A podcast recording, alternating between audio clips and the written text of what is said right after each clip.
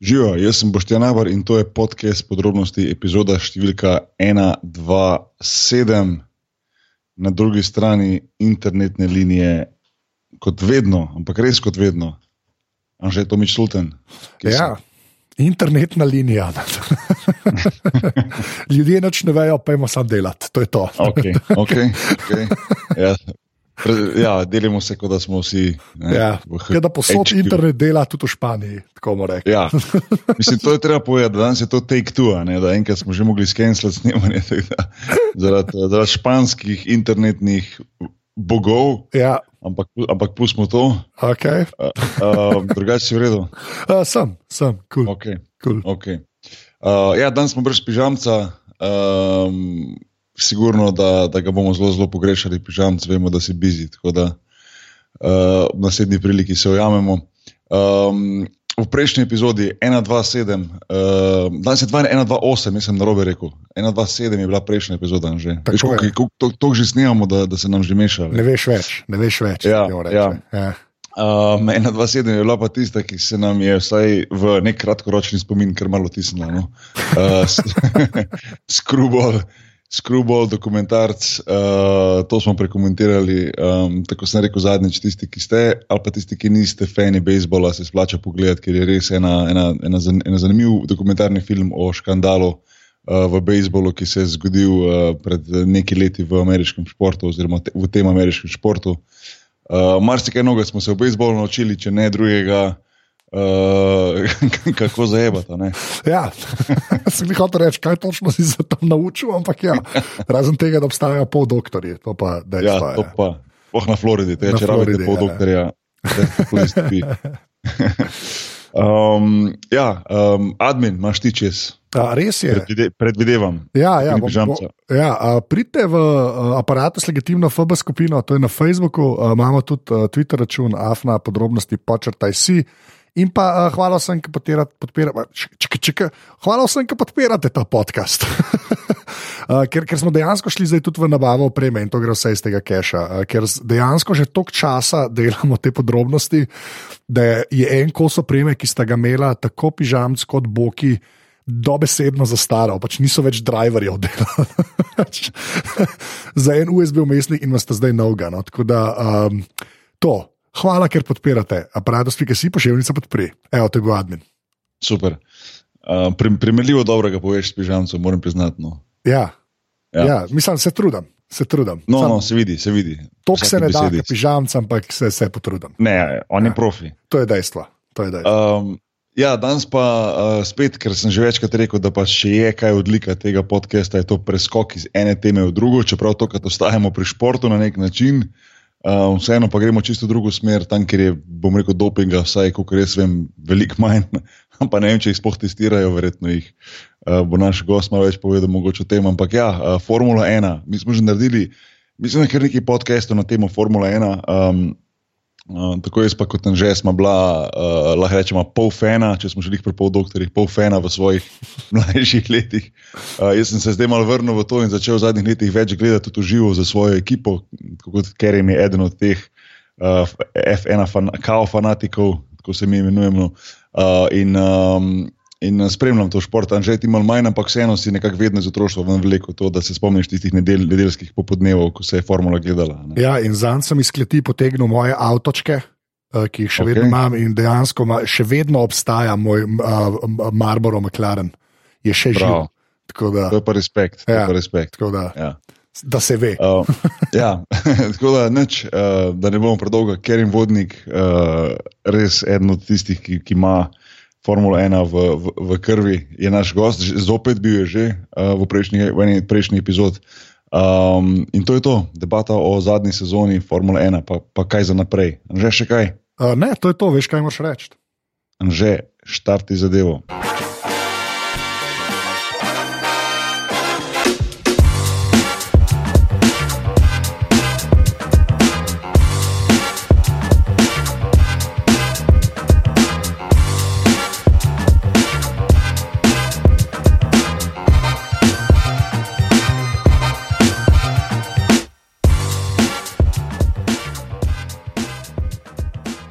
Ker jim se slišimo, kje si? Ja, se, ja, se. Kaj, kaj dogaja?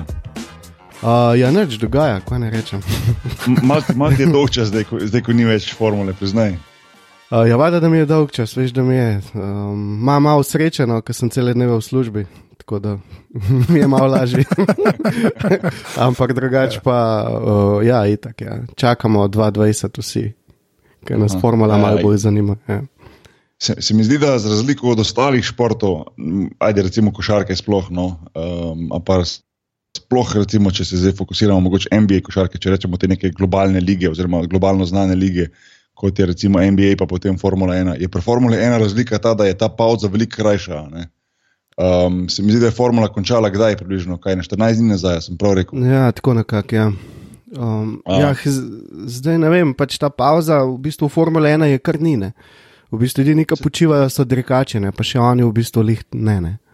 Um, se, se, se to, ne, se to, ja. Ja, se to ker, ker je pol v bistvu kmalo, kaj februarja bo začeli, se pravi, to je čez dva meseca začnejo pa že v bistvu z novimi modeli ven hoditi, pa, pa tiskovne konference predstavljati te nove dirkalnike in tako naprej. Tako pauza je kratka, če to gledaš. No.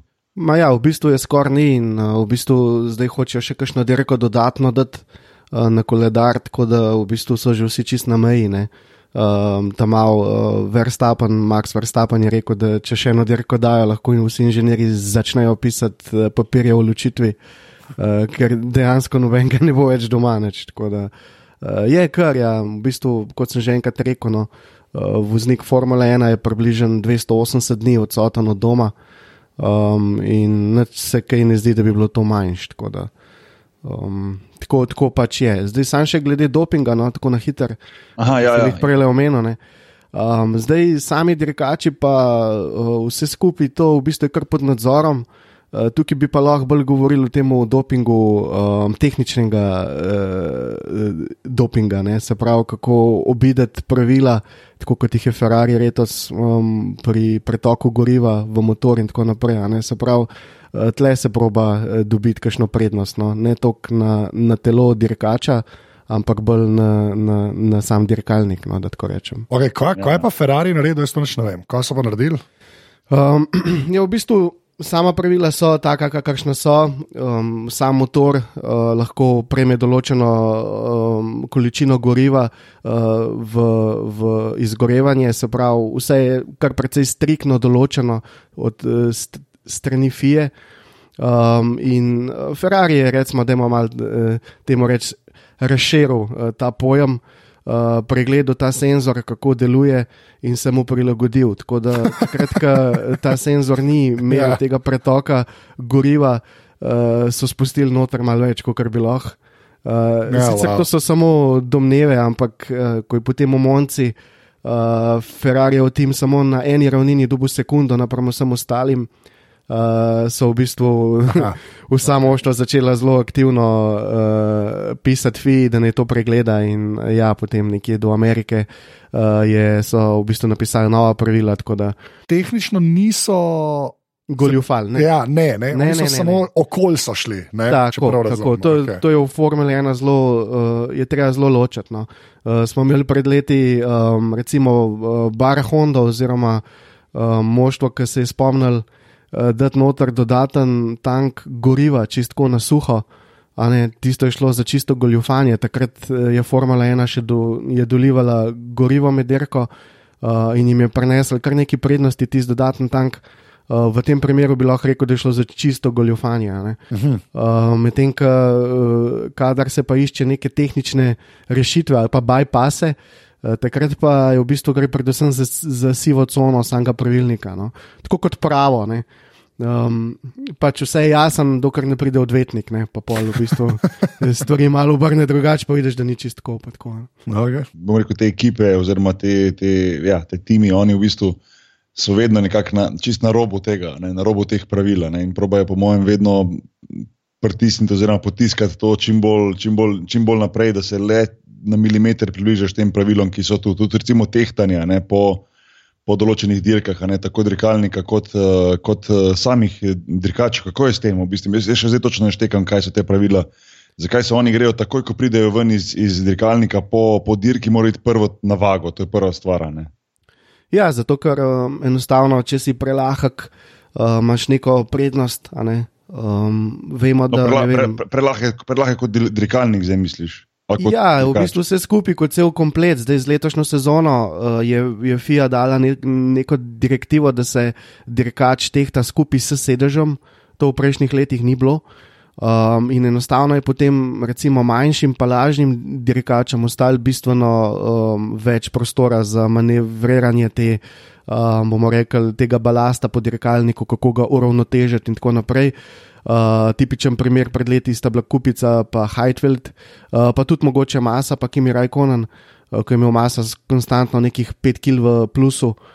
Um, tako da, ja, tukaj gre vse na kilograme. Vem, zdaj, recimo, zelo zanimiv je bil Rosberg uh, na svojem podkastu, oziroma na podkastu na F1, uh, ki je pač rekel, da je izlezel Hamiltonu v glavo tisto leto, ki je postal svetovni prvak, na ta način, da je izhujšal več, kot je bilo pa dovoljeno. ne. Um, ker v bistvu hujšajo maksimalno, um, in Rosberg je prečil to in shujšal še par kil več. Um, in enostavno je začel z lažjim dirkalnikom, ne. um, tisto, tisto kilogram ali dva. In uh, Hamilton to ni mogel prijeti lih čist takoj čez uh, to, kaj, kam se je on spustil, um, oziroma kaj vse je pripravljen tvegati za en naslov. In ja, prej je vse prišel, seveda v narekovajih. Je bilo že par direk memo. Tako da uh, zelo pomemben je in FIA zdaj to proba nekako vse skalupirati. In zdaj so nekako dali uh, z letošnjo sezono direktivo, da dirkač skupaj s sedežem mora tehtati 80 kg. Um, tako da eni imajo zdaj na sedežu več balasta, eni imajo manj. Ampak videli smo že takoj na začetku sezone, recimo Botas, ki je precej težji od Hamiltona, koliko lažje je vozil. No? Tako, um, tako da vse gre v neke detajle. Um, zdaj, če bi pa hotel tako najbolj obrazložiti uh, to, kako se v bistvu, kakšna kreativnost teh pravil je, bi pa mogoče lahko na gumah. Um, moštva so jih tako v preteklosti tako obračala, okol, kot jih je recimo proizvajalec naredil, so jih okol obrnila, um, pa noter v bistvu spuščala ne samo zrak, ampak tudi plin, um, da je čim bolj deloval. Tako da ta kreativnost uh, inženirjev je konstantna v Formuli 1 in je na, v bistvu na vseh področjih za, rekel, za vsako ceno. Uh, milijon dolarjev nič ne pomeni, treba je pač neko zadevo raziskati in tam se jo skoplje ven, zdaj kjerkoli to pravilnik dopušča. Ne. Ja, se pravi, to je toliko enih, enih detajlov, da, Ja, definitivno. Ne. da za enega lajka težko vse sploh v bistvu followati. No, ker, eh, se pravi, to, to mi, ko se, mi, ko se pogovarjamo z našo ekipo, ko hodimo na, na, na, na te poletje, ko gremo na to, na to dirko, zdaj že za nas tradicionalno v, v Budimpešto. Um, v bistvu ne zmanjka debate, vse od Ljubljana, ko se sedemo kombi, pa tja, pa potem celih štiri dni tam, pa nazaj do Ljubljana, praktično debata ne neha, ne, to je to enih stvari za predebatirati. No. Ja, tudi treba se je pač nekako nekak zavedati, da ima Mercedes 1800 ljudi zaposlenih. Um, in ja, sigurno lahko te ljudje ne, um, najdejo. V bistvu vsi delajo na enem dirkalniku, no, dobro, ok, čistilke ne, pa tisti, ki so operativci, ampak a ne, ogromno inženirjev je na posameznih delih in um, 24 ur na dan je časa. Ne. Tako da mm. skozi se spremenja, ampak res čist skozi.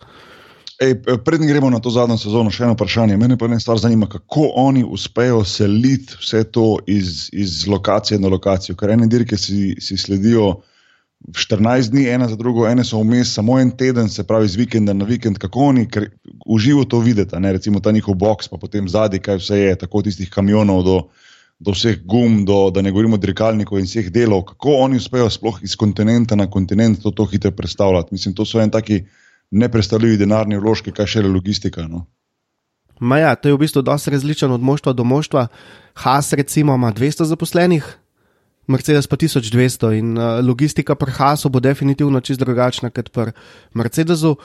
Um, je pa tako, imajo pač Airfloto, pa potem to track floto po Evropi. Uh, in tudi dirke so nekako narejene tako v smislu, da se začne neka turnaja na nekem delu sveta, se potem proba čim več pobrati. No. Um, nekih dirk, da se ne, ne selijo preveč. In Mercedes ima več ekip in več ljudi, ki so recimo lahko malo bolj sfokusirani na svoj del, Haas pa dosta outsourca, pa ne vem, pač lovi tist. Zdaj, kar je ključ, je to, da recimo, ko grejo v Avstralijo, Bahrajn pa Kitajska, to so recimo prve tri dirke, zdaj zadnja leta, uh, moštva zelo težko pošljajo še nov del na te dirke zelo hitra. Um, tako da morajo na teh testiranjih um, v bistvu kar dosti dobre pripravce za prve tri dirke, ne samo za prvo. Uh, in zdaj, kaj je še ta nesreča, da so v bistvu tri, vse tri steze popolnoma drugačne po konfiguraciji. Um, in vidimo, kako včasih kakšno moštvo prvo dirko dobro odpele, pa, pa drugo, tretjo malo slabše. V glavnem, polk se pride v Evropo, v Španijo, ponovadi pride ta major update na, na dirkalnik, prvi resen update pri vseh moštvih. In spet, in to se potem vrti. Tako da v osnovi uh, gre v bistvu za velikost moštva in koliko je zdaj pač organizacijsko sposobno. Ne. Definitivno pri Mercedesu imajo bistveno več ljudi in delijo ljudi na te, ki potujejo po svetu, pa te, ki vozijo po Evropi. Ja. Ne, to, to še moram povezati s tem vprašati, ker to je meni vedno zanimivo, te, eh, te njihovi simulatorji. Um, mm. Mislim, to, to dejansko je, pa se, pa se mogoče res zelo lajično sliši, ampak je na nek način video igra. No? Ja, ja, definitivno iz tega se je začel. Ne? Ampak je, men, men, jaz, jaz težko razumem, koliko mora biti ta simulator v bistvu kalibriran v nuro z vsemi zavoji, pospeški, da ne govorimo o tem, kako mora biti proga v nulo, se pravi, proga v igri, video igri, če tako rečem, noro, detaljno postavljena, da lahko en. Ne vem, v Angliji vozi simulator in potem sporoči enemu v Avstralijo pred dirko, kaj naj pazi, kaj naj naredi, kaj so izboljšave. Mislim, to je, to je že kar mal na, na, na eni taki mal sci-fi varianti. Ja, no to je pač že to, kar sem rekel. Ne. Recimo Mercedes, Ferrari in Red Bull, to so prve tri moštva, imajo budžeta pol milijarde dolarjev, približno, ajde, 480-470 milijonov. McLaren pa Renault sta pol na 270 milijonih, pa potem ostali okoli 130, kot sem zdaj letos gledal. Um, tako da, samo. Sveda, Ja, samo, ja. samo. In, reveži, in je, reveži. Ja, ja. Kiri berači, bu. Sorry, fly, sem tako. Ker tako res te cifre tako meto, da je šlo med 17, 19 pa 22 evrov. Ampak, ja, hlik za en sem v službi napisal, vprašali, če na lotu zadev, koliko bi rabo. Ne? Pa sem rekel, da vsaj 200 milijonov. po bi lahko začel s Formula 1. Ja, vse, ostal, vse ostalo me pa ne zanima. v glavnem. Uh, ja, dejstvo je, da Mercedes, Ferrari in Red Bull uh, si lahko to prvošijo in imajo spet uh, rezervne dirkače, simulatorje v vrednosti nad 50 milijonov. To so pač seveda vse neke um, informativne številke, ne pač čisto realne. Um, ampak ja, to je vse na, sprogramirano na roko, prav za določeno moštvo. Mislim, da je bil McLaren že leta 2002 sposoben uh, um, simulirati padec listja dol z drevesa. Tako da, um, ne, predvsem je važno, kakšna fizika je uh, v tem uh, simulatorju noter in to je danes že res tako dodelan. Uh, tudi uh, na hidravliko so preklopljeni te modeli in uh, dirkači v bistvu res oddelajo noter, bom rekel, res eno orang dirko. Uh, predvsem so pa te simulacije pomembne ne toliko zaradi nastavitev, ker včasih mogoče videli smo letošnji dirkalniki, ki so bili zelo, zelo občutljivi na eh, bočni veter, pa na veter od zadaj. Um, tako da je bilo treba vseeno malo drugače nastavljati avto, kot pa se je simuliralo, mogoče ne vem. Um, ampak predvsem zaradi taktike, koliko postankov je idealnih, um, koliko je obraba gum in tako naprej. Predvsem te stvari, mogoče no, uh, najbolj bi rekel. In seveda ta revna moštva, v narekovaju. Eh, si tega ne morejo prvoščiti. In, um, ta razvoj potem uh, iz petka na soboto, pa iz, sobotka, uh, iz sobote na nedelo, enostavno ni isti. Enostavno ta najboljša moštva potegnejo naprej, medtem ko ta, ta slabša potem tudi ne vejo ponovadi čez dobro, no, kako pa kaj se obrniti. Mm. Ne, se pravi, ta tehnologija, to je, to je čist neverjetno. Veš, mogoče, kjer ga leta so začeli s temi simulatorji, pa to, ki me zanima, kako gre to nazaj, kdaj je to postalo. Ja, jaz bi rekel, da se je Orang, Orang se začel jih okoli 2002, oziroma bom tako rekel, Lewis Hamilton je nek prototip. Um, Tega, no, tega celega sistema. On je bil, Mika Hakinen je pripeljal v Formula 1, dr. Akija Hinco, ki se je ukvarjal z uh, performancem telesa. Uh, Hinca je nažalost že uh, premenil in um, Hamilton ga ima za svojega dirkaškega očeta. Um, in Hinca je pač razvil Hamiltona, res bom rekel, iz nule. In um, oni so takrat začeli tudi potem uh, pritiskati na te simulatorje in tako naprej. In McLaren je bil v bistvu ta prvi. uh, vsi ostali niso tako grabili takrat to. Ampak polk je v bistvu postalo jasno, da je to uh, prihodnost. In ko je v bistvu Formula 1 še v bistvu ukinila ta testiranja, je postalo jasno, da je računalnik naslednja pot uh, Formule 1 in um, ja, tako od tam naprej. No. Ja, da... Začel se je pa vse, seveda, leta 92, ko je prišel prvi Grand Prix van zapisi, sam povem. Pač. Ja, ja, ja. Ta prvi res dober. No, sej, okay. A si igral, si igral že? Ja, ja, itak. Enko in dvojko okay. sem špil. Okay, okay. Jeff Cremont, še spomnim se modela, ja, ki ja. ga je naredil. Da, ja. Tisti špili so bili kar ok. Čakaj, napisijo si rekel. Uh -huh. mm. Jaz se pa ne morem spomniti, če sem to igral. Sploh ne vem, kdaj je bila prva igra Formule 1. Ja, jaz, mislim, da, jaz mislim, da Grand Prix je bil že za dos, to sem skoraj zihar. Okay, okay. Res, mislim, po mojem, še za kakšne nune, atarije, pa to. Ampak mislim, da v dosu si ga že bil. Ja. A ne, da je bil, valjda, ja, ja, ja, jaz mislim, da no. Da, ja. Pa sam levo, pa desno, pa kocke. Pa na Juriš, prijatelj, ja. na Juriš. Uh, ne, jaz, pa, jaz, pa, mislim, zdaj, jaz sem pa zdaj na zadnje igral, uh, oziroma še zdaj imam, sicer zdaj igram malo manj kot mogoče pred letom, dvemi, ampak uh, sem igral, uh, mislim, da je bila 2016 na, na PlayStationu, no? se pravi Formula 1, ta njihov official game. In uh, je, je kar mal že absurdno, kako dobro v detajl grejo. No? Sploh, ja, sploh ja. izgled sam, pa to imaš res feeling, če imaš sploh en fajn dober ekran, pa da si malo zvočen, ne štimaš. Imaš zdaj že tudi pogovore te z boxom, sicer so malo mal, uh, rutinirani, bom rekel, temu te pogovore, ampak imaš opcije znotraj dirke, veš, lahko kontaktiraš box, potem se ti odpre posebej obrazec A, B, C, D, E, kaj boš zbral, boš naredil to taktiko, uno, tretjo. Mislim, res so super te igre že postale zdaj no? in, in, in, in face realne. Tako da Uh, se to lahko rečemo za vse igre. To, če recimo rečem vem, NBA igro, ko sem igral prvič to video igro, ne vem, kje ga leta. Kdaj je bil tisti prvi NBA live, že mogoče ti veš? No, pojma nimam. To, Dva, to tam nekje tam je 90, 95. Ja. Ja, ampak do zdaj recimo, so te, te razlike so res, so res neverjetne. No, ta virtual reality je blizu, tako bomo rekli. Ne, že, mm, to, to, to je tvoje področje.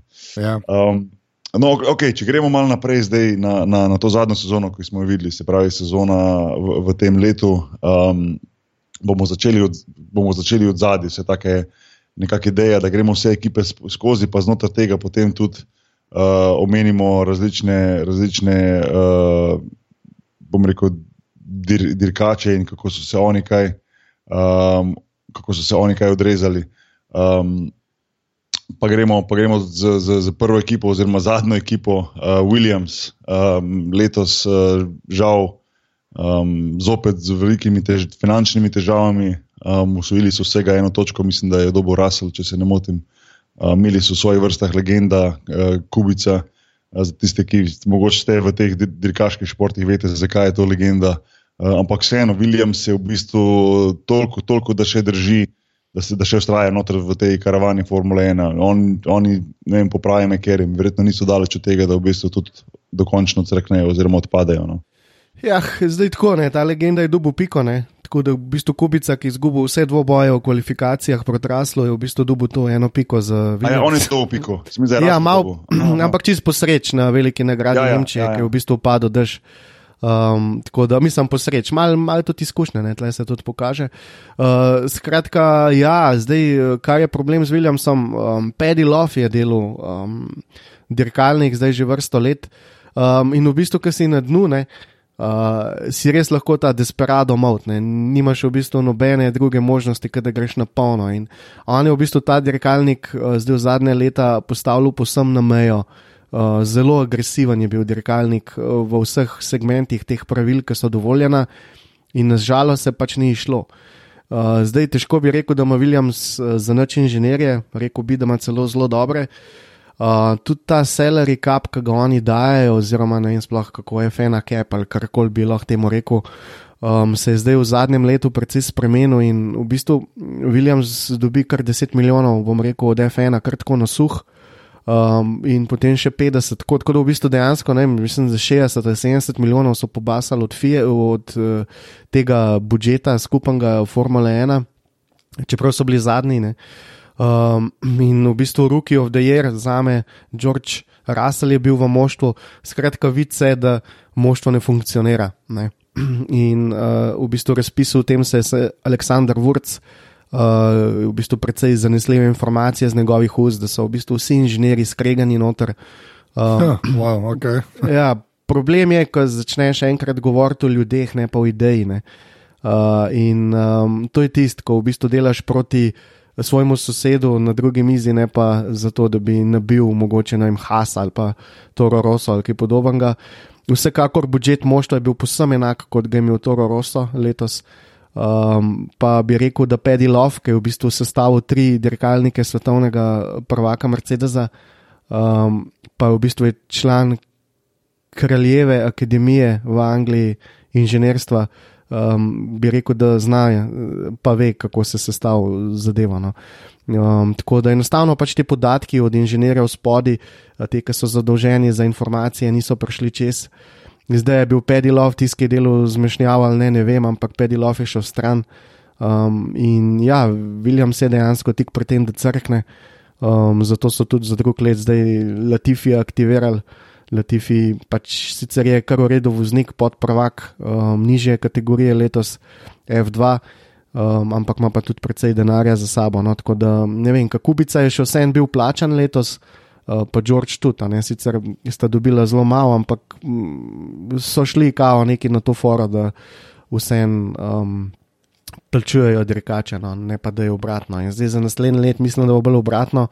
Um, ampak ja, to je to, nimamo ok, to se ne vidi na stezi, tudi ne da se oceniti, ampak videl se je, da Williams ni imel nobene hitrosti.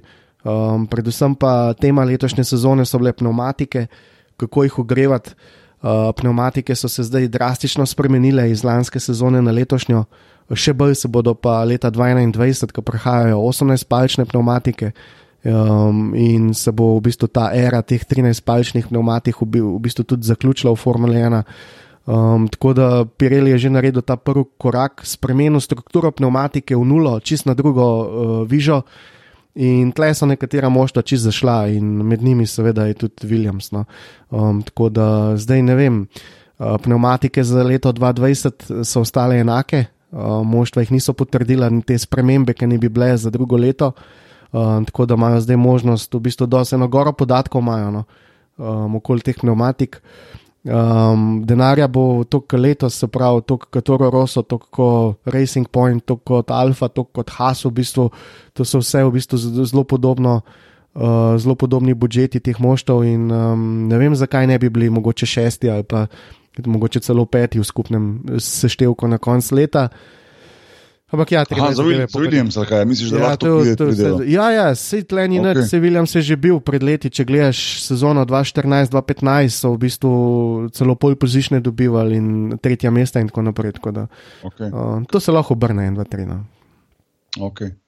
Um, ja, naslednji uh, Haas Ferrari z 28 točkami, ki je bil nekako uh, vseeno korak za vsemi. No? Ja, Has, je, Has je v bistvu plus, pa minus. Ne? Zdaj, plus je ta, da so v bistvu skupiran Ferrari. Uh, Has dela s Simon Diresta, on je, um, on je v bistvu, v bistvu Ferrarijev tip, tako da Has se spravi v Formula 1 na, na en zelo eleganten način. V bistvu so nekako prešmugljali, tako po italijansko bi rekel, um, šasi od Ferrarija, eno leto staro, uh, pa zdaj so se tudi pravila spremenila, boki, to te bo sploh veselil. Um, zdaj od lanskega leta naprej um, ni več A pa B specifikacije motorjev, teh proizvajalcev, ki jih delajo, ne? se pravi Mercedes, Ferrari, Renault, Honda, ne smejo več deliti enote na A pa B specifikacijo. Aha, vsi ampak dobijo A. Pravi. Ampak vsi dobijo enako. In, um, Haas ima v letošnji sezoni celo isti motor kot Ferrari in tako naprej. Tako da, Um, to je v bistvu ve, velik plus, uh, minus je pa ta, da če Ferrari zasirja na šasi in letos je zasral na, na uh, šasi, pa tudi Haas podeva ja, ja. to. In uh, Haas se je celo sezono boril uh, s pneumatikom. To je ono, renta, shit, shit rolls downhill. Če bom zgoraj zajebe, se ga pol tudi ti pokasiral. Tako, tako, tako da ja. na enih dirkah, ki so pač uspeli ugreti te pneumatike, so bili zelo blizu pa potem na dirki pač totalen razpad, eh, lahko, lahko tudi ne. Um, pa sem imel pa dirke, ko so bili že v kvalifikacijah med zadnjimi in si že vnaprej vedel, da ne bo noč. In oni so se potem tudi v sezoni nekje spomnili na eh, avto iz Avstralije ven, se pravi, recimo v Belgiji so prolekali ven avto, ki so ga imeli na prvi dirki in s tistim avtomobilom vozili in ugotovili, da v nekih segmentih so celo hitrejši. Skratka, um, tako kot je šlo težko za Ferrari, je šlo tudi za Hasno. Da, da mislim, v, v, v, povezavi s tem, skozi mislim, govorimo, kako je šlo težko za, za Ferrari. Ne. To je pač treba pač dodati zraven, da Ferrari niti, mislim, ti približno ni zdaj pa bil od desetih ekip, pa osmi. Oni so vseeno bili drugi, vseeno so bili pač. tak, ne, veš, Pač ja, oni so imeli lani, dominanten. Lani, ja, to je dominanten, da pač potem Ferrari izpade nekako švoh, ampak Ferrari še zdaleč tega, da ni pri vrhu. Ne, če te gledaš. Mislim, ja, vem, Ferrari je imel lani ja. dirkalnik za naslov svetovnega prvaka, letos ga pa ni imel in uh, to je korak nazaj za to moštvo. Bili so 200 pik za Mercedes, v bistvu še malo več. In uh, ja. Uh, tako da v bistvu sezona za Ferrari ni bila prav dobra. No, ja, ja. Pač to je Ferrari, okay. to je skozi pod presijo. Uh, da zmaguješ in uh, enostavno drugo mesto. Zdaj se ni problem, ne? sam ta zadnji naslov Ferrari je od leta 2007. Ne? Tako da to pa je ja. bolj problem. To je, to je problem. ja. okay, uh, sedmi Racing Point, oziroma bivši Force India, v bistvu nekaj če malo podobna zgodba kot s Ferrarijem, ker so povezani z Mercedesom, ampak so povezani z Mercedesom. Ne, ja, vmes je še Alfa skočila, no, sem tok na hiter. Um, hm. se je mogoče. Ja, sorry, Alfa itak, ne, ne ja. moramo, mislim, ker imamo prosti. Lej. Ne, se ni panika. To je pa, um, to je pa Kimi, ne, Kimi je. Kim, ne, ne, je panika, ker Kim je tvoj boki batina. Ja, Ja, dobro. No. Zdaj moram reči, da ta zadnja Dekor. leta se je model čist uh, transformiral v neki, kar pač mi ni tako blizu, ampak ok, se nima nobene veze, govorimo pač o dirkaških kvalitetah. Ja, videli se je, ne, Has ima pač dva.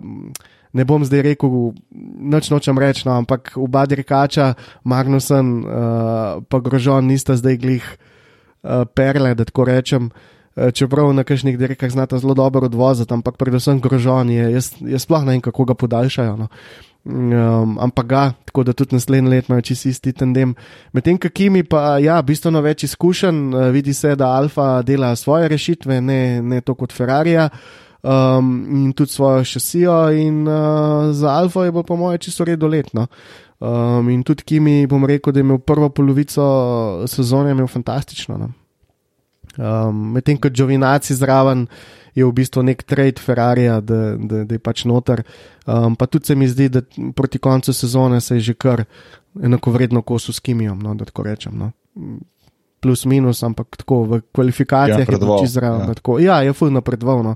Tako da sicer ne bi zdaj rekel, da je nekakšen kaliber tako videti, ampak um, sej, kdo sem jaz, da mi je zdaj to sodo, ampak iz stališča navijača, ki gleda uh, Formula 1, bi mogoče tukaj lahko naredili pri Alfi, da bi bilo mogoče še malo bolj zanimivo, ampak ja, se je tudi Džovinaci uredil. No, da, mhm. um, vsekakor ta dirkaški dvojec s temi izkušnjami, pa mogoče to, da so uh, šli bolj na, svojo, na svoj razvoj, jih je pripeljal pred Hasno. Um, tako da so potem tudi um, bili malo bolj uspešni. Pa meni je samo kul, cool, da je sploh alfa že spet, a veš tako, da je. Ja, to sem to ja, reči, ja, to sem to reči, ja, da je to sploh zgodilo. Prav je. Prav, ja. Ja, ja. ja, Alfa skuša Ferrari pač tudi, uh, oziroma ta koncern pač malo živeti, no, ker v bistvu, če gledamo na te cestne avtomobile, ni zdaj neki full velik tega in um, probajo ta brand potiskati naprej. Um, Alfa je v bistvu tista, ki je dobila prvo prvo prvenstvo Formule 1, tako da ima tudi neko zgodovinsko vrednost in tako naprej. Tako da, um, je fajn videti Alfa, no, definitivno. Um, ok, naslednji, pač, kako, kako sem prej rekel, no, Racing Point oziroma bivši Force India, um, nekako vezani na, na, na, na Mercedes. Um, nekaj, to je nekaj, saj isto vidi, neka ekipa, ki je tu. Uh, imeli so sicer pred mogoče dvema ali tremi leti nekaj, nekaj težav z menjavo lastniki, tisto, ampak uh, nekako je zdaj neka solidna ekipa, ki je vedno tu nekje med petim, sedmim mestom. Um, ne vem, niso neki ultra zanimivi, niso pa neki slabi. Pač tu so in, in, in, in pač so del te, del te karavane, ni pa to neka ekipa, od katere bi kadar, na kateri koli točki lahko pričakoval nek presežek. Ne? Ja, ta Vijay Malija je sicer strasten ljubitelj uh, Formule 1 bil, um, ampak seveda nažalost tudi velik prevarant, uh, tako da so ga pol lovili po celem svetu. uh, ki je bila dirka v Indiji, sploh nisem upridel, ki bi šel sedeti takoj. Uh, tako da se je v bistvu skrival tam po uh, Angliji in tako naprej. Ampak spet, če se vrnemo zdaj na letošnjo sezono, zdaj je to v bistvu prevzel od strola Fotor, tako po domač, mem teh podjetij in tako naprej. In uh, možto imeli letos dvakrat večji budžet kot lani. Oni so imeli lani v bistvu samo okolo 80 milijonov budžeta, kar je bilo res tist full mal. Um, tako da letos so prišli zdaj na pač ta, bom rekel, normalen budžet no, za Formula 1, tako da tudi inženirji redno dobivajo plače in tako. In mene je predvsem presenetil uh, Perez. Tudi njegov podcast na FN je. Pišu, da če ni celo eden med, izmed boljših. No. Res, um, meni je ja, malo antipatičen. No. Vse je totalno. Se ja. zato, ker tudi jaz nisem mogel, pa še tudi on ima zdaj v bistvu sponzorje v zadnji te naftne. Uh, um, pa se ti zdi tako, ampak zveš, da je pri 15-16 sam šel na avion, prišel v Evropo, spal tam v enem hostlu, uh, pa vidiš danes, kje je. Uh, vozil vmes tudi za McLaren, imel, imel neko podpisano pogodbo z Ronom Denisom, tudi za eno sezono, pa so potem v bistvu vsaj oba izigrali. Um, ti da misliti in um, vse to, kar je govoril, se tudi vidi potem na dirkah. Uh, čim je bila možnost, je v spredi in v bistvu strola je razmontiral res na polno, no, da tako rečem. Um, in um, meni je pač res iz tega stališča, zdaj, ki sem ga malo bolj spoznal, tako, ko vsega tako ne veš, ne, eni dirkači niso tako izpostavljeni. Um, in um, ja, uh, je pač tako moštvo, kakršno je, precej, precej sintetično, uh, voz spet enak motor kot ga Williams voz, zdaj, če smo že jih prvili, so bili prej. Um, ampak enostavno boljše rešitve, boljši, um, ne vem, boljša klima v, v, v moštvu in evo. Um, pred obema Ferrarijama, če tako gledaš, ne, Alfa pa Hasne. Uh, Dosti blizu, tudi precej blizu se mi zdi, da so bili potem Toro Rosso, ki je imel sploh super sezono. Um, in ja, predvsem tukaj spet, ne, za ta, gre za to razumevanje pneumatika, ne, kako, kako so letos dirkalniki pač to razumeli. Uh, Formula 1 je izgubila veliko uh, podlaka na lanski sezoni, ta preden krilc, da tako rečem, se je v bistvu predvsem uh, postavil nek standard, brez teh kaskad, vrtincev, in v letošnji sezoni je bilo bistveno lažje voziti v zavetrju kot prejšnje sezone. Ključno celo, ampak to bomo potem mogoče malo bolj za Ferrari pustili. Uh, in tle so v bistvu pri uh, Racing Pointu ti inženirji to zelo dobro dojeli, in Perez se mi zdi, da je to res zelo dobro implementiral v dirke, no? predvsem v dirke. Bo zanimivo videti, če bo oni uspeli kaj rasti ali bojo ostali tukaj, ker so ono kot, kot ekipa. No? Ma, jaz mislim, um, čistko iskren ti povem, da je pač to uh, oči od strola pač omogoča svojemu sinu, da dirka. Ne? Sicer to je zelo malo grdo, kot sem rekel, ampak tako je svet ni pošten in dokler bo to tako, bojo kar imeli nek budžet in to lahko tudi kakšno sezono malo preskočijo. No. Malo bolj. No. Um, ok, naslednji uh, Toro Rosso, ki, ki je imel, uh, ki je vozil za Hondo. Um, zanimivo, mislim, da, Rosso, da se bo preimenoval za naslednje leto v Alfa Tauri. Uh, če, yeah. sem, če sem prav prebral neko novico, kar je vseeno povezavi z z, kaj povezali z neko Red Bull, neko znamko oblačila, nekaj takega. Ja, vse to je v lasti Red Bulla, vse tako ja, je. Ja. Um, tako, no, ampak v vsakem primeru pač uh, Toro Rosso, um, solidna, solidna sezona. No, pač, uh, Uh, meni, meni je vedno zanimivo videti ta Red Bull, kako ima to svojo drugo ekipo, pa vedno zlezejo nekako med, med teh, moriko zgornjo, uh, ne moriko zgornjo polovico, ampak tu nekje na sredino te lestvice no, in, in znajo razvijati te mlade uh, uh, marsikjer je prišel iz te mlade ekipe, pa potem gre v Red Bull. Ali pa je demoted nazaj, kot smo tudi videli, ja, mislim, da bo ja, letos med sezono. ja, uh, mogoče malo komentar tega, ker jim novih Rosa pa potem povezal z Red Bullom, kako se oni podajajo. Sem pač nič nisi dovolj dober, te potem. Kaj je ta Marko Helmut, ali kaj že nekaj? Ja, ja, on je pač doktor Marko Helmut. Ja, neč se nekaj, v bistvu um, Red Bull se spravil v Formula 1 čez velika vrata. Ne. Um, niso še šli neki polovičarstva in uh, ta glavno moštvo ima vem, pol milijarde proračuna, Toro Rosso pa 150 milijonov. Uh, boj, da dobijo vse nazaj, uh, tako da je plus. Zdaj, koliko je to res, ne vem. Uh, ampak v glavnem je pač zadeva taka, da ja, imajo tam mladinski pogon, Uh, bom rekel, čez te nižje kategorije, ki jih potem kalijo, pa potem, seveda, prva stopnica je Toro Rosso, pa potem naprej v Red Bull. In tle, mislim, da je predvsem Honda full dobila, uh, ker je kar naenkrat ima v bistvu štiri dirkalnike za razvoj, prejšnja leta samo z McLarenom, a ne dva dirkalnika. Um, in predvsem tudi uh, inženirji v Toro Rosu so isto kot dirkači. To so neki inženirji, ki se hočejo dokazati, to so mladi, ki pridejo z fakultet.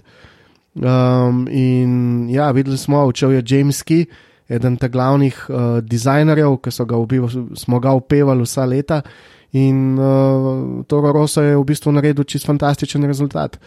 Um, kar se pa tiče samih dirkačev, tle pa bom rekel, da vse en mal figo v žepu držijo. No? Zdaj, da ni, ni nobena skrivnost, da je Max Verstappen njihov uh, tisti paraden kon eh, vozniških. Uh, Ne vem, ne vem, kako sploh rekel, ampak on je tisti, okoli katerega se vse vrti. Um, zlati, on, zlati, zlati otrok.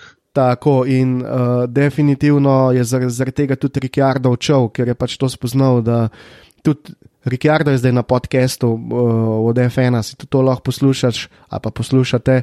Je precej zanimiv, kakšen odnos je imel, ker ste se zaleteli v Bakuju. Um, si je v bistvu Rikardo protko rekel, ne, ma jebite se vsi, ne, in inženirji in, ver, in Verstappen. V bistvu, Boki, če se spomniš, že pred leti, ko smo debatirali, je v bistvu Verstappen vozil ob Sajncu. Ko so ga skozi degradirali Sajnca s to taktiko, ne.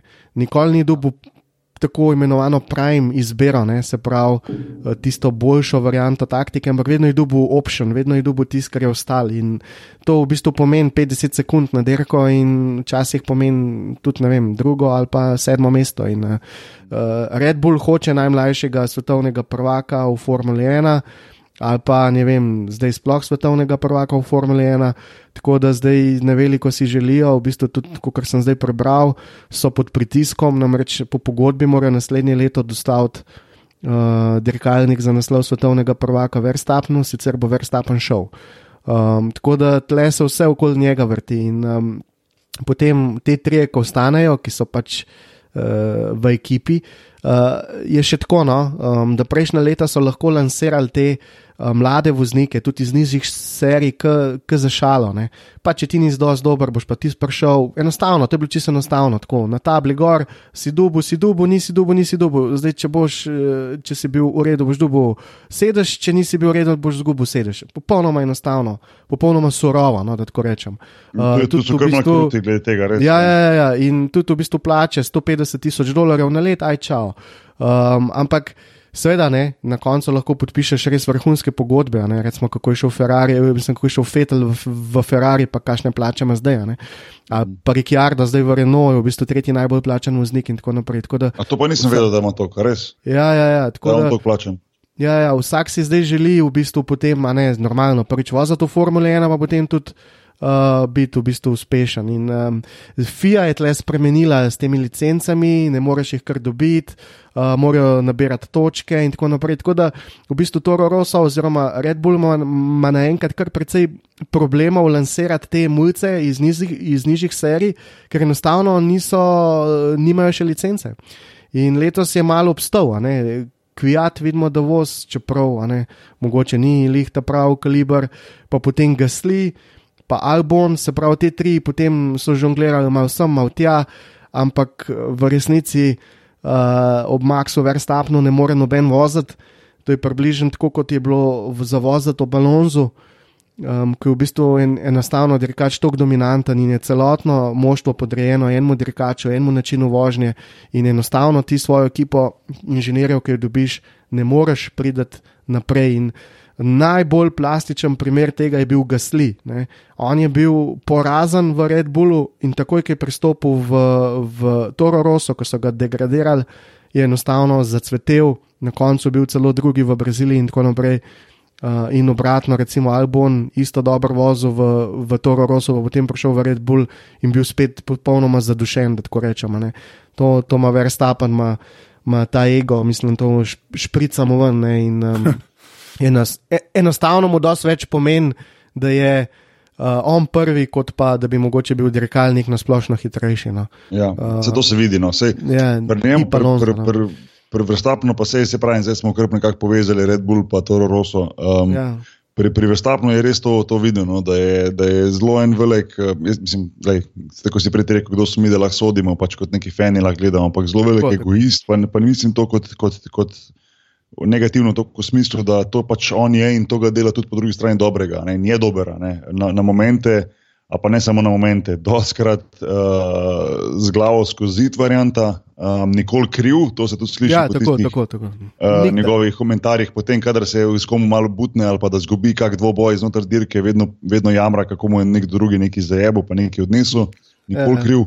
Um, ima pa za sabo, to smo tudi videli na mačarskem, zdaj že pali za sabo, neverjetni following. Ne? Mislim, če, ja. ima, če, ima, če ima kubica, ti se svoje pač poljake, ki pride tja zastavijo, mahati to krat ja. deset tisoč, kar se tiče Maxove vrtapna, ker je pač v bistvu cela več tisoč glava, pač množica, oziroma tribuna, enostavno polna oranžnega. To je pa fenomena. Ja, to v bistvu v, v, v, v osnovi ta star vrtapen dela. Ne? Um, v, v bistvu na nizozemskem je to zdaj cel boom, uh, spremljajo te derke tudi v celih dvoranah, tako v bistvu zatemnijo, ker bi bila hala Tivoli ali pa stožice, um, noter en velik displej in ne vem, koliko tažen ljudi to spremlja, tega verstapna. Um, predvsem pa jaz moram pač reči, no, uh, ful so agresivni te, te navijači. Ne. To je v bistvu, če gledaš to na prejšnja leta, kako je bilo na derkah Formule 1, pa kako je zdaj, ne. to je pač čist drug svet. Ne. Um, tudi na dirkah je kar nek rave party zraven, pa ne vem pač kaj vse je. Um, pa tudi um, zelo težko jih je poslušati. No. Jaz moram reči, da kar bežim stran, no, ko vidim te navijače. Ne. Je, ja, ja. Uh, Sploh koliko no. kol, kol, kol pride malo v igro. Pa sonce, ja, pa tudi točo, tretja. Pa vem, mislim, ja, mislim, da sem letos na, v Avstriji prvič videl nek tako res, da so imeli, eni so bili oblečeni, pa tako fuck Hamilton in so prav težili tem drugim navijačem, ki so bili Mercedesi, v bistvu so bili pijani vsi, ampak so prav težili, iskali so nek, rekel, pretep ali kaj. Kdo, um, Formula 1 bo huligane dobila, ja, to se ja, je ja, rabel. Tako, tako, to prav, se je rabel. Ja. Prav na to gre, in v bistvu ti je neprijetno, ne? ker v bistvu prej, prejšnja leta, pa se že nekaj let hodim na Formula 1, mislim tako desetletji. Uh, bi rekel, da ne vem, pač tega ni bilo tako, okay, vse v starih časih, mogoče ja, ampak zdaj tole je pa spet uh, zelo agresivno. No? Um, ja. je, je, mislim, je zanimivo spremljati te navijače, no, sploh greš v živo gledati uh, eno, eno, eno dirko. Sploh, uh, pa ne moreš kot tako zanimivo, mogoče tudi malo žalostno po svoje eko. Si predstavljaš, kdo je potoval dan, dva z avtom, da je prišel do te lokacije, tam so cel vikend, razumeš, ogromno nekih mm. finančnih sredstev dajo za to, da lahko to gledajo potem pa na prvem ovinku njihov ta favorit gre ven ali pa mu, mu poči guma ali pa mu odleti neki in, ali karkoli in, in pač ne more biti ali nadaljevati ali pa ni kompetitiven in potem vedno na koncu dirke, ker in ko se vračamo recimo nazaj tja v našo bazo. Doskrat mm -hmm. vidiš ta folk, ki nekako obsedija, veš, ki se kar nekako zrejo v pravi, ja, pa si ja, mislijo, pismo, ja. mi je tega treba. Ne, veš, ker ja, en, ja. enim je dejansko v petih sekundah, potem konec tizga. Veš, pride tja, cel napaljen, tisti vikend, kvalifikacije grejo skozi maha, čaka un štart prvi vinek, bum, poči tvoje ven in čau, in je šlo vse nekam. Ne? In, in, uh, ampak dobro, po drugi strani pa verjetno, ko enkrat Max pride na stopničke, sploh na najvišjo, kar se mu je tudi že zdaj parkrat uspelo, si pa predstavljam, da te čisto norijo. No? Um, ja, jaz sem imel to izkušnjo v Avstriji zdaj letos. No? Mhm. Um, in ker sem bil pač tudi svojim sinom, pa še v bistvu sta bila dva otroka, no, je bilo v bistvu kar nepri, je bilo precej neprijetno, no, da tako rečem. No. Uh, smo malo manj bežali s tem. No, tako da, um, Sej, to je tako, pač... tisto živalsko gre ven. Ne, tist, ja, ja, ja. ja. Drugo, vse je no, odvisno, no, verjetno od dirke, od dirke, kako je kar organizirano. Ja, rečem, ja, za, ja, za nas, ja. jaz sem bil v Avstriji, pa bil sem tudi v Barceloni, ki je zelo lušno organizirano, pa sploh v Mačarsko, ko hodimo zdaj resno, mislim resno, redno. Mačarska se mi zdi, ne vem, ker ti boš imaš več izkušenj, meni se zdi, da je vredno. No. Mislim, se, je, ima svoje pluse in minuse, tiste dirkališče, pa to, ampak na splošno se mi zdi, da je kar fajn tak event, pa se da lepo videti in uh, tudi malo prešmugljati skozi kakšna vrata, kje ko se ne bi smelo. ja. pa si najdober sedeš. Mislim, mi se gremo oh. pravi tiste F1, hardcore variante. Uh. Ampak ja, mislim, da to, to je užitek tega, zato ker sem pač uspel doživeti tako tisto, kot če pa dobiš nek VIP tiket, pa greš v neko tribunco, pa tam sediš, do tega, ko nekako imaš pač ta general admission, pa se potem sam uh, zabavaš, ki boš kako kot uh, dirkališče, ja, ampak kljub temu se mi zdi večja, večja fora. Jaz veliko bolj uživam v tem, ko smo v bistvu tu imaš karto, zdaj pa snaži se. Ja, ja, ja. In, uh, in z tega vidika se mi zdi, no, da je ta mačarska kar veliko ponudi, ker je dosta uh, veliko dirkališče, kjer si lahko sprehajaš in kar lahko vidiš. No, ja, jaz sem priporočam Avstrijo. No. Prvič je dosti blizu, drugič je dirkališče, majhen se full vid. Ja. Letos so v Avstriji še celo tako naredili, da je bil noter hofer tako je lahko v bistvu res za pocen kupu, no? ker drugače so kar navite cene. Um, ja, res, enostavno Hofer je bil sponzor in ker so oni nizozemci udarili tisti Hofer, so ga od, odnesli celega. Um, v glavnem, bil je eno. Uh, potem je še ta airshow, a ne s temi letali. Um, tako da ja, in uh, Budimpešta in Avstrija, obe dirkališči sta, bom rekel, um, zelo prijetni za videti. No, no. ja, ja, ja. Um, ok, gremo naprej. Evo, zdaj pa oba Renault, da temu tako rečemo, en Renault, Renault, pa drugi McLaren, Renault. Uh, predvsem je ja. zanimivo yeah. to, no, če smo prej govorili o Red Bullu, pa Toro Rosso, ki sta zdaj na Hondi, pa je tu en McLaren, Renault, ki je do lani bil za Hondo, um, pa mu ni nikakor načrtalo se sestaviti, zdaj pa grejo v bistvu iz Honda na Renault, pride do četrtega mesta, medtem pa Red Bull še vedno odličen, ki je vzel Hondo, ki kao ni štimala, vse tako je McLaren govoril, da je malo to pokomentirano. Ja, zdaj McLaren je imel pač osnoven problem te snobovske, angliške, tega odnosa snobovskega. Ne? Oni so v bistvu niso tikali motorja, motor ni bil njihova domena, oni delajo še sijo in se delajo glupene.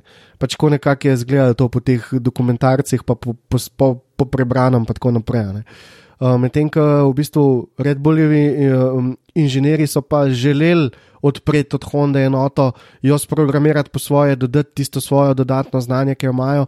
In uh, Honda je to seveda z veseljem uh, pustila. Um, in uh, evo rezultat. Ne. V bistvu, če si gledal Brazilijo, si videl zadnji krok, Hamilton pa ga sli usporedno v ciljno ravnino po klancu navzgor um, na kar visoki nadmorski višini, um, Hamilton ni mogel mimo. Ne. Tako da uh, Honda, če bo naslednji let dodala še teh 50 konjev, objektivno bo to dirkalnik za naslov svetovnega prvaka. No. Ampak malo več eh, kasneje. Um, kar se pa tiče McLarna, jim, jim pa v bistvu ustreza ta Renault, ker pač Renault pa ne pušča šarati po, po svoji pogonski enoti. Um, in ja, pozna se, um, pač, da so menjali uh, strukturo moštva, tudi uh, Alonso je šel ven.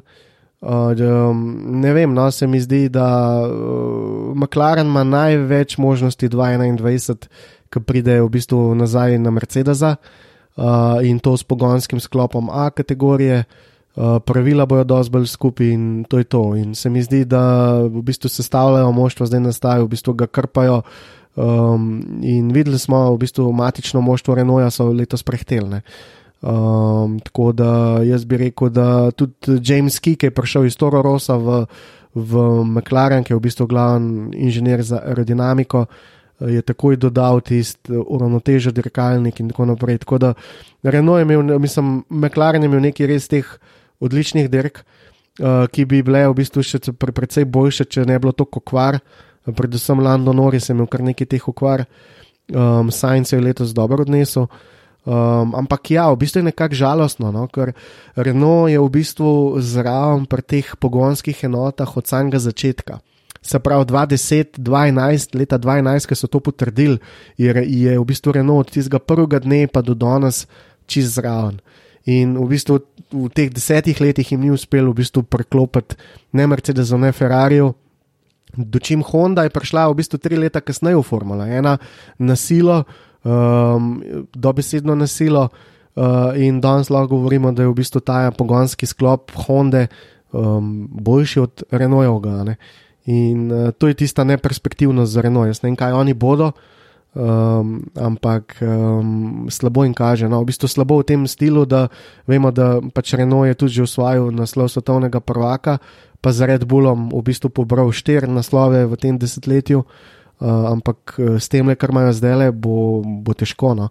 Um, enota nima nezanesljivosti, um, preveliko porabo in še nobene moči v primerjavi z Mercedesom in Ferrarijem. No. Tako da um, Renault je bil sicer peti, uh, Ricciardo je odpeljal odlično, um, Hulk malo manj, ampak kaj zdaj se Hulk gre tako ven, okon pride drug let. V kon eden uh, zelo perspektivnih dirkačev. No, tako da dirkaški dvojec za Renault naslednji let bo super, um, zdaj kaj bojo pa na tehnični plati naredili, pa ne vem. Um, se bojim, da, da bojo kar tle nekje kasno.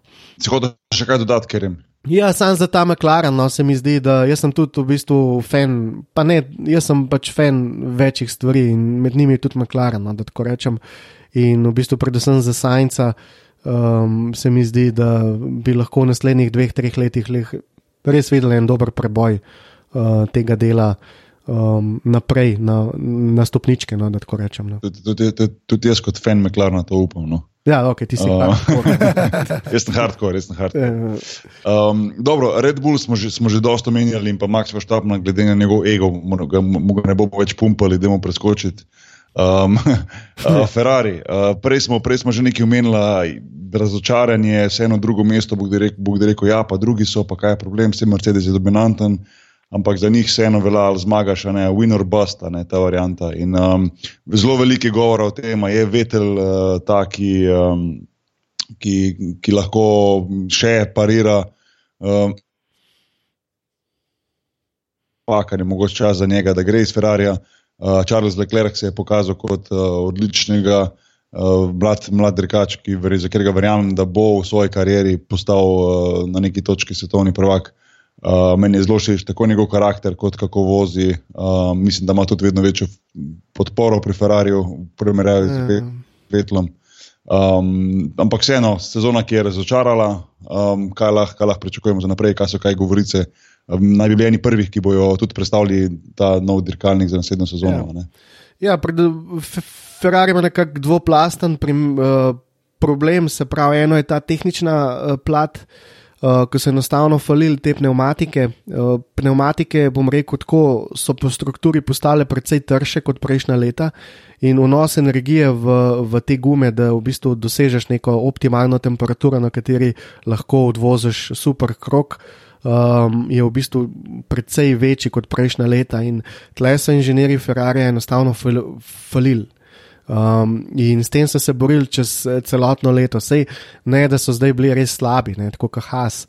Um, pa ne zdaj, da dirkaški dvojec ni znal odpeljati kakšnih dirk, ampak v primerjavi z Mercedesom, ki je to zadev v nulo, uh, so trpeli. Uh, Zadnji del uh, steze v Španiji, v Barceloni, eno sekundo, v enem segmentu parih ovinkov je Mercedes dobil sekundo not napram Ferrariu. In uh, tukaj se je v bistvu takrat pokazala ta rak hrana tega dirkalnika in s tem so se nekako borili celo leto. Um, to je en problem, ki ga morajo rešiti. Se pravi, kako zdaj v letošnji, v drugi sezoni dobiti noter um, več energije v pneumatike, da bodo zadeli ta temperaturna okna. Tudi uh, Red Bull je imel isti problem. Isti problem kot Ferrari. Um, tako da v bistvu in Red Bull in Ferrari morata oba dva delati v tem segmentu na pneumatikah, s tem, da Red Bull mogoče še mečka na motorju in je to to. Um, to je en del, ki ga mora Ferrari pač popraviti. Drugi del, ki ga pa ima, je pa pač ta strukturni del noter. Namreč Fetel je štirikratni svetovni prvak, in derka za eh, precejšno vsoto denarja. Ne? V bistvu je drugi najbolj plačen voznik v Formuli 1 in njegova plača je desetkrat večja kot plača od Leclerca. In po naravni definiciji je vodja v moštvu Fetel, ne Leclerc. Prvič je Leclerc prišel ne, iz teh nižjih serij, pa iz Alfa ven, po drugi strani Fetel, nek prekaljen maček, naj bi vodil moštvo. In ko gledaš potem stvari na stezi, vidiš, da niso take. Um, Leclerc je bil tako hitrejši v, kvali, v kvalifikacijah, kot tudi več točk zbral kot um, Fetel. Uh, in potem si gledal veliko nagrado Brazilije in si videl, da sta se oba zaletela. Tako da uh, imajo uh, v bistvu precej se zapomentno pri Ferrariju in kako bojo zrihtali ta dirkaški dvojec. Uh, in uh, kako bojo pač uh, na dirkalniku popravili pomankljivosti, da tako rečemo. Uh, Um, je, tako da uh, imajo ogromno dela za, za, za sezono 2020. No, ampak a, a pa jih ti vidiš, recimo, v tem, kar, kar zdaj veš, ne, pa na to, kar smo videli recimo, v zadnjem tej sezoni, pa mogoče v prejšnji ali pa v prejšnjih dveh, pa če gledam, iščem kot neko konstanto, to znotraj tega, ali pa neko rast ali pa nek padec. Ne. A ti vidiš Ferrari, če bi danes mogel to odgovoriti zdaj, a vidiš Ferrari, da lahko zmaga naslednjo sezono? Ja, zdaj ne vem. Pač Ferrari je imel leta 2018, kar je v bistvu lani, dirkalnik za naslov svetovnega prvaka. Ampak ker je Fetal odvozil slabo in na enih dveh dirkah vrgel pike stran, 50 pike zmetu Fetal s svojimi, svojimi napakami stran, uh, ni usvojil naslov svetovnega prvaka. Ampak lanski Ferrari je bil v boju za naslov svetovnega prvaka.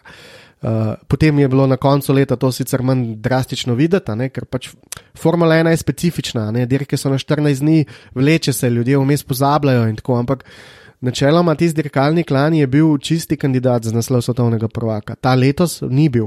In eh, zdaj, um, za naslednji let, bojo možta uporabljala povsem identične pneumatike, kot so jih letos. Tako da Ferrari v bistvu ima vsa urodja, da postane, naslov, uh, da postane pač spet svetovni prvak in konstruktorsko in tako. Zdaj, kar bo zapleten, je to, da Mercedes je tam, kaj je, Ferrari lahko priključ pa Honda v zadnji lahko pride, oziroma Red Bull še z Verstapnom. In kar naenkrat bo lahko pet ljudi v boju za naslov svetovnega prvaka.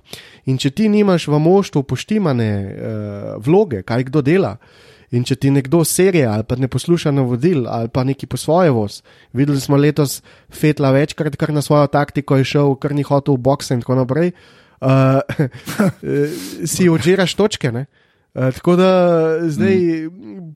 po eni strani bojo lahko naredili zelo dober avto, pa se bojo potem uh, skregali na uh, poziciji voznikov, po drugi strani bojo pa lahko spet zašli z nekim razvojem, pa bosta ta dva potem krpala, pa te njihovi dueli, ki se v bistvu Leclerc pa Fetel neki ne morta, bo ostali skrito, ne, tako kot letos, ne, ko v bistvu noben kaj dosti ni govoril. Ampak ne vem, jaz mislim, da ima Binoto kot vodja moštva ogromno dela in um, vsekakor je pa možen. Ja, jaz mislim, da Ferrari bo v boju za naslov svetovnega prvaka naslednje leto, ravno tako upam, da bo tudi Max ne, um, in še oba Mercedes za zraven. To jaz mislim, da naslednje sezon, mislim, sezona 2020 bi v splošnem bila lahko ena boljših v zadnjih 20-30 letih. No, okay. um, lej, bil Ferrari, nikoli nisem tako se mi zabaval, nisem bil rdeči. Uh, tako naprimer, tako naprimer uh, naš, naš kolega Smiljan, pa Smiljan Pavič, ki se zbudi in vidi samo konička Ferrariovega, pa uh, pa ga več, večkrat hecamo, da je tako. Um, pa, pa še so prikriti v naši, naši skupini, ne, ker jim prikriti fani Ferrari. Ja, ja, ne bom zdaj v imenih. Um, ampak jaz, jaz nikoli nisem bil, ampak hočem pa vseeno videti kompetitiven Ferrari. Tudi kadar je Ferrari letos dobro odvozil, sem bil full vesel, zato ker je. Nekako saj je nekdo, ki je ogrozil Mercedes, ne, da si hočemo na koncu koncev gledati tisto, tisto top, top dirko do, do zadnjega kroga. In se, mislim, doskrat se nam pač zgodi, sploh v zadnjih letih, da pač mi je, oziroma verjetno vsem, bolj zanimivo spremljati tam nekje od 3., 4. pa do 6. mesta, kot pa recimo za prvo, drugo, ne, kar je po svoje malo žalostno, ker pač tu je en dominantni Mercedes in, in, pa, in pa Hamilton, ki je letos zopet odvozil suvereno, ne vem, konstantno, imel je svoje pace, ampak vseeno na koncu imeti 739 točk uh, kot, kot ekipa. Uh, in, pa, in pa Hamilton, ki jih je zbral 413, uh, ne, in, in v bistvu z naskokom spet dobo to, to prvenstvo. Uh, s tem, da je zadnjih par dirk, se mi zdi, malo kruzo, pa vseeno bil v vrhu in, in dobil. Ne. ja, ja, uh, ne vem, se, uh, se, to, se to je že malo, mislim, on je, on je res dober, Mercedes je dominanten po svoje, to gledati uh, lepo, ker je, ker je to res špica, špica, ne, ampak manjka pa ta kompetitivnost. Ne. Ja, zdaj um, Mercedes je v bistvu zadeval te pneumatike v nulo. Ne? Um, in ko se je sezona začela, je bilo, je bilo strašljivo. Ne? Mislim, da Hamilton je zmagal vem, prvih 6-7 dirk tam do Francije, to je, to je sama cola je padla. Ne? Um, mm. In v bistvu dobro, ok, se še bota so mesi, glavno samo zmagovalca. No? Um, in eh, v bistvu je bilo že tudi v naši ekipi tako nevoljane, da, da je konc prvenstva in tako, predvsem mislim, da je Jurek Masnak bil zelo žalosten. Uh, ampak. Tako pač je. Mercedes je bil z Jamesom Ellisonom pač tisti protagonist te sezone. Razumeli so, kaj rabijo, ne tako hiter dirkalnik na ravnini, ampak predvsem hiter dirkalnik v, v ovinkih, ki zmore unesti energijo v, v pneumatike. Predvsem pa lahko samo še to. No. Um, predvsem ta aerodinamika v Formule 1 se je spremenila in v letošnji sezoni je bil ključ, da si vozil v zavetrju. Nekaj, kar prejšnja leta ni bil ključ, si se mogel izogibati zavetrja, zato ker je bil zadnji zavrtinčen zrak, bil je umazan zrak, tako imenovan uh, dirty air in v bistvu nisi mogel voziti. Pregreval si pneumatike, zgubil si potlak, skratka, izogibati si, ga, si se ga mogel. In Mercedes je v letošnji sezoni uh, to nekako najboljš razumel. Na ravnini niso bili hitri, zato ker so dali več poudarka na ovinke, njihov dirkalnik je v bistvu proizvajal deleč največ potlaka, kar je pomenilo, da je dirkalnik uh, v bistvu premikal večjo silo pritiska skozi zrak. Z drugimi besedami, zdaj so se počasni, ampak se niso, v bistvu niso bili počasni, bili so pač ekstremno hitri, medtem ko na ravnini so se šlepali v zavetrju. In videli se je, letošnji dirkalnik Mercedesa v kvalifikacijah ni bil posebej hiter, ampak potem na dirki enostavno delač najboljš, uh, predvsem to ravnanje s pneumatikami. In tukaj se vidi ta, uh, bom rekel, inteligenca moštva. Ne? kako so se iz nekega superhitrega dir dirkalnika, ki je vrsto let, zdaj 2014, 2015, 2016, 2017, šel po ravnini Kapuščica, ne, uh, so ga zdaj transformirali v neko čist drugo stvar s čist drugimi ljudmi. Paddy Love je šel stran, prišel je James Ellison, uh, Niko Rosberg je šel stran, prišel je uh, Botas. Inženirje skozi menjajo, levo, desno. Inženirji, ki so bili letos na, Hamil na Hamiltonovem dirkalniku, bojo drugo leto na Botasomu. Imajo že zdaj določen, kdo bo šel kdaj prej iz garaže ven in vse tako. Ne? Predvsem zaradi tega zaveterja. In tukaj se vidi, koliko je Toto Wolf odličen. Ne? Uh, in v nulo poštiman, da tako rečem. Tako da, uh, to je ve, mm. velik poklon Toto Wolfu, uh, Hamiltonu v drugi vrsti, ki v bistvu vse to implicira. Treba je vedeti, da so dvoboji v Mercedesu odprti. Ni tako, kot pri Red Bullu, ko pač enostavno vse naredijo za to, da bo Verstappen prišel naprej. Videli smo letos tudi Hamiltona z dolgim nosom, ene parkrat, enostavno ni dubu tiste taktike, ki je hotel. Uh, Um, in uh, to je nek čar, ne? in tukaj moraš res biti fan Formule 1, da ti je to všeč, uh, ker sicer je pa tako, kot si ti rekel, ne? pač dolg čas ti je. Ne? To je zdaj že to klet, ne? 2014, 2015, 2016, 2017, 2018, 2019, ne? šest sezon. Ne? Um, in kaj, ne? v bistvu eno in isto, Mercedes, Mercedes, Mercedes, Mercedes, Mercedes. Ne? Ampak uh, za, za njih je to zelo, zelo, zelo težko doseči. No? In je res spoštovanja vreden dosežek, da tako rečem. No? Ne, se pravi, to po eni strani sigurno je, ne, po drugi strani pa se mi zdi, da tisti, ki nekako vseeno najdemo nek, nek užitek v tem, da gledamo Formula 1, pač potem ja. treba iti eno stopničko niže, pa Tako. mogoče gledati tiste, tiste, tiste borbe, ki pa so zelo, zelo zanimive. Sploh, recimo, ne vem, uh, tako smo sami prej rekli, ne, recimo, gledati, spremljati Red Bull, videti, kaj bo s Ferrarijem, potem imaš tu le kupenih ekip, ki se borijo med sabo, McLaren, Renault, Toro Rosso in tako naprej. In, in to so pa zanimive tiste, tiste dirke. No. Um, Okay, evo, pač to, je bil, to, je, to, je, to je ta pregled na koncu, dominanten Lewis Hamilton, za katerega vsaj zgleda, da, da se ne bo hitro ustavil in bo še naprej uh, skušal biti ta dominanten voznik za naprej gledano. Uh, za naslednjo sezono smo že kar nekaj stvari povedali, da pač naj ne bi bilo nekih večjih sprememb, 22, tista, ki, bo, ki bo večja, ne, ki, bo, ki bo večje spremembe. Ampak bomo sigurno predtem tudi še, še imeli kak podcast, pa govorili o vseh teh spremembah. Bolj kot to me zanima, lih te govorice v zadnjem času, je to samo zdaj nekega pumpanja, nekega praznega zraka med sezonami, ali pa to so dejansko stvari, se pravi, eh, ne vem, da bi naj Lewis Hamilton šel v Ferrari, da naj bi se mogoče Alonso vseeno neko vrnil nazaj, saj v španskih medijih v zadnjem tednu bilo to ogromno pisanja, mogoče to neki pritiski, ki se delajo na to, da bi se Alonso vseeno uspel štuliti nazaj v, v Formula 1.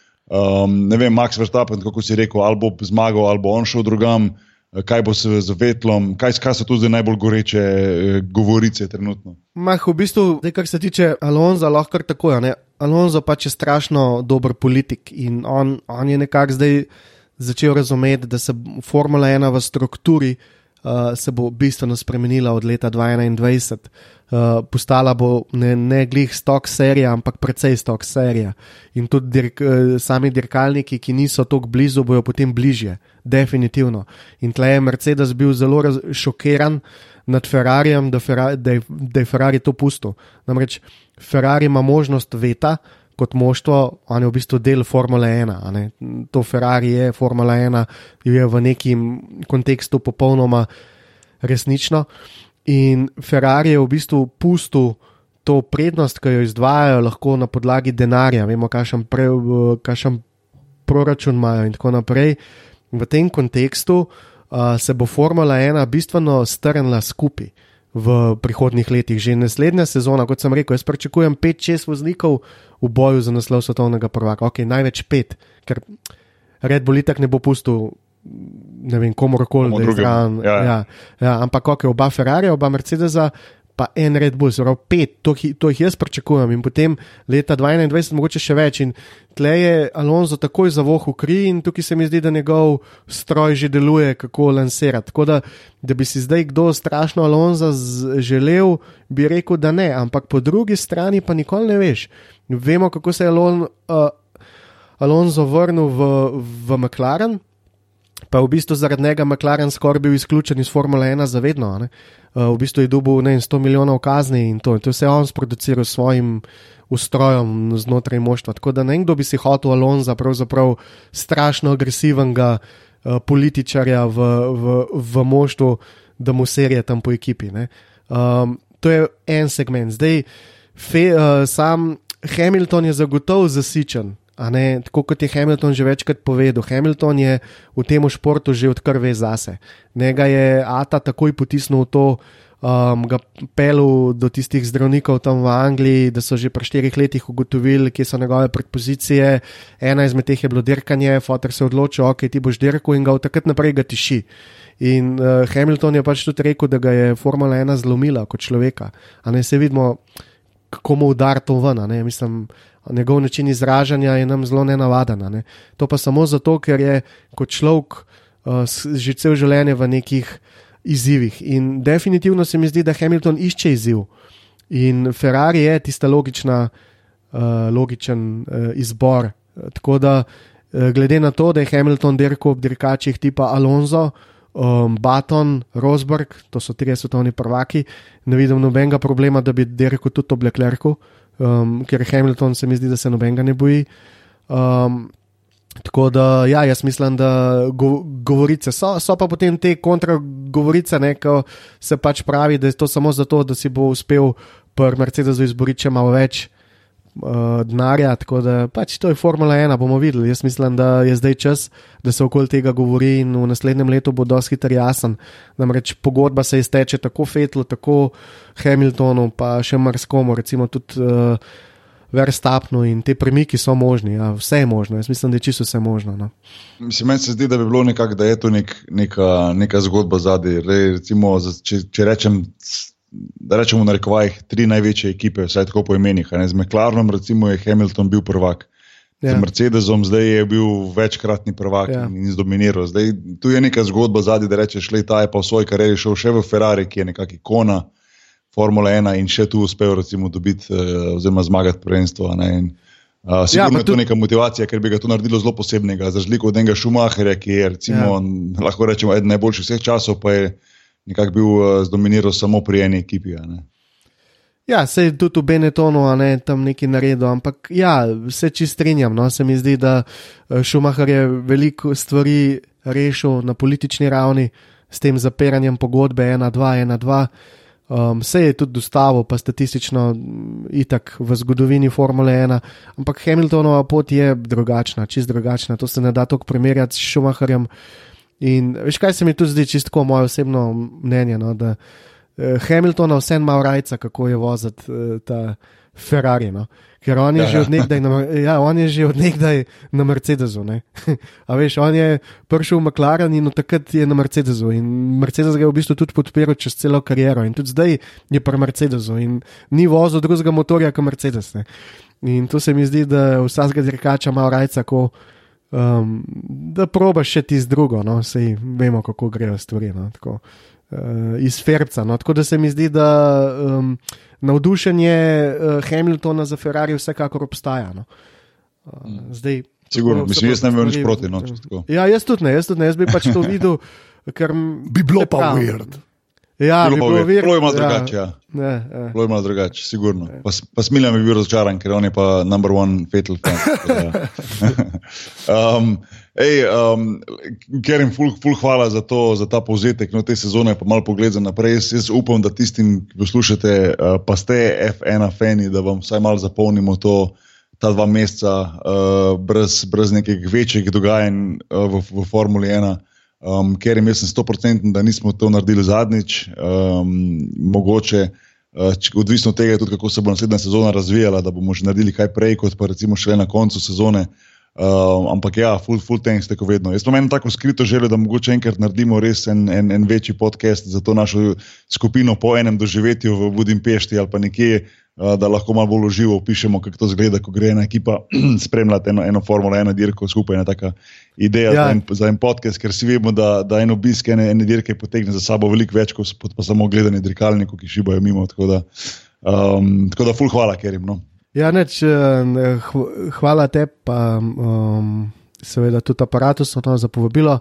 Um, tako da, ja, se čist strinjam, tudi jaz bi bil takoj, sem takoj za. No, da, mislim, da, da je bi bilo zelo, zelo, zelo dobro tudi za vse poslušalce, um, ker je v bistvu Res, ja. se ful dogaja in um, ja, več mnen, več vtisov in uh, ni slabo. No. Se mi zdi, da Formula 1 je lahko tudi precej več kot samo Formula 1. No. Tako. Stoprocentno. Uh, An- Anže, izvoli za na konec. Uh, Ja, uh, hvala vsem, ki podpirate ta podcast. To naredite tako, da greste na aparatus.si pševnica podpri, sicer pa afna podrobnosti počrtaj si, smo na Twitterju in pa legitimna FB skupina na Facebooku.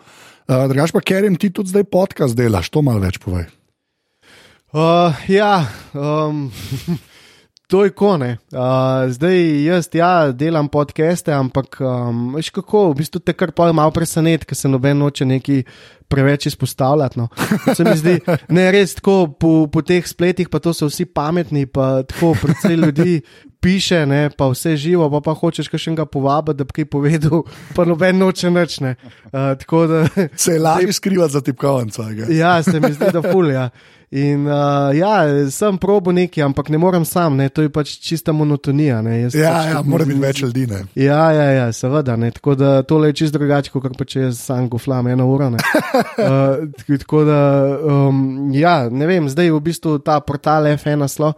Um, tle, tle smo zdaj nekako skupaj pršali, um, tam sta Matej Plešej, um, pa Maja, tako da sta tudi zelo v redu. No. Se mi zdi, mogoče da nas, za naslednji let, da bi vseeno uspel dobiti kakšnega, uh, ki bi še z nami kaj po- pokomentiral. Um, ali pa če sem ok drugače obrnil. No. Um, je pa pač, ja, seveda, tudi že jaz te pač občudujem, ker uh, zahteva svoj čas to vse. Ne, in, um, ne rečeš. Ja. ja, ja. pač vidim, kako je, in uh, pol si čisto utrujen, in tako. In, uh, včasih se ti tudi ne da, in ne vem, mogoče manjka en ta boost od nekje, no, tudi Ja. meni. Uh, Sej naredim ene 3-4, pa pa spet ne, ne pa tako. Ne. Um, vtisi so bili pa pač v redu. No, tako da, ja, podcast v, v nastajanju. No. No, ja, sej, lej, to, ne bo to boost, zdaj, ki si mogel povedati. a veš. Ja, ja. Ne, pa, pa, pa Ker- predvsem to je, ne, en, en treba, ena stvar je treba povedati. Vedno, kadarkoli gremo gledati dirke v živo, pa tudi grem, kadar ti sam greš, ne, pač imaš sabo vedno nov fotoaparat, ki je že kar profesionalen, ta prava Ja. ja. varianta in, in slike, ki ratajo, so res neverjetne. Jaz ne vem, a kje to objavljaš, razen na, ne vem, mogoče na svojem Instagramu, kaj takega, ampak so res, so res špica slike, no, pravi take, kot jih vidiš na, na, na najhujših medijih, ker imaš, imaš žilico, no, ujameš. Mislim, jaz vem, da doskrat potem po dirki spraviš to na svoj laptop in potem gledamo tam vsi skupaj. In, In, uh, in te zumi, ki jih imaš, pa te, te momenti, ki jih ujameš, so, so res, res, res super. Tako da ne vem, če kje to daš na net, ampak sigurno folk, da dajte si to pogledati, tisti, ki vas zanima, no, ker je res kul. Ja, thanks. Zdaj se pravim, v sklopu tega portala F1 um, smo se zdaj nekako dogovorili, dogovorili za drugo leto, da bi šel prav, da bi dobil tudi akreditacijo. No. Um, se mi zdi, da pač ko enkrat ne bo več teh dvojnih ograj, ker pač je res težko tako daleč stran slikati s temi ograjami. Uh, imam pač enih par idej, kako bi lahko to naredil, imam tudi pripravljen, uh, upremo imam pripravljeno. Uh, tako da v bistvu imam zgodbo sestavljeno, jaz sem redi, jaz sem 100% redi, da poslikam Formula 1 v živo. Um, in čakam ta fucking pes, zdaj že ne vem, kako je. Uh, da, da pridem in da naredim, predvsem zaradi sebe. No. Um, ker to so res take, bom rekel, otroške sanje, ki so dosegljive, bile In v bistvu vsako leto sem bližje, no, tako nekako grem po, po, postopoma. Grem, no. uh, sej, če bi bil v življenju so bolj so, socialno varen, ne, um, pa da se lahko uh, malo bolj šmuglah, uh, bi, bi šlo to hitrejše. Ampak um, mislim, da ko bom dobil tisti fotopes, bo šla tudi kakšna sauza in tako naprej. No. Tako da to si res želim, uh, čakam in uh, upam, da 2020 bom na kakšni dirki tudi zelo blizu. No. Imam plan, čisto iskren povedan, jet na tri. Um, tako da bomo videli, kako se bo uresničilo, ampak uh, držim pesti, da bo. No, super. super. No. Evo, in, in, in, in mi s tabo, oziroma vsi tisti, ki, ki, ki štekajo, da, da tako si prej rekel, da F1 je več kot samo dirkanje. No, tako, ja, ja, tako je. Um, kje se ti pa najde drugače na netu? Prav ta portal F1.js. Uh, Um, tam v bistvu vse članke od fanatika sem tja prenesel, prej sem imel pač uh, svoj, pa v bistvu ta blok, ne okoli Formule 1. Ampak se pravim, pač uh, letos sem tudi službo menil in vse, in um, tle, ker sem se treba dokazati, tako da v bistvu sem cele dneve v službi in pa si preutrujen. Pač čisto objektivno povem, kot je ne. Um, tako da so potem fanti iz portala F1 oziroma Matej prišel do mene in smo se dobili in tako vsi članki so šli pol tja. Uh, pa tudi podcasti, ki smo jih naredili, so šli pol tja. No. Tako da tukaj se mi zdi, da manjka v Sloveniji ta podcast, ni ga, no. ni nič. Ne. Um, in um, tukaj sem videl neko priložnost, ne vem zakaj, ampak ne moreš to sam delati, no. to, to je pač ti zdel. No. Uh, tako da, um, ja, to, kar sem, sem tam in pa še ni Instagram, pa no. tako. Cool. To je. Cool. To je to. Evo, jaz sem Boki Nahvar, kjer pač sem, Anže ti pa Anzet, če se ne motim. se ne motiš. okay. Okay, jaz rečem adijo, ker jim reče adijo. Adijo. In Boki reče. Srečno, pa ne za večno.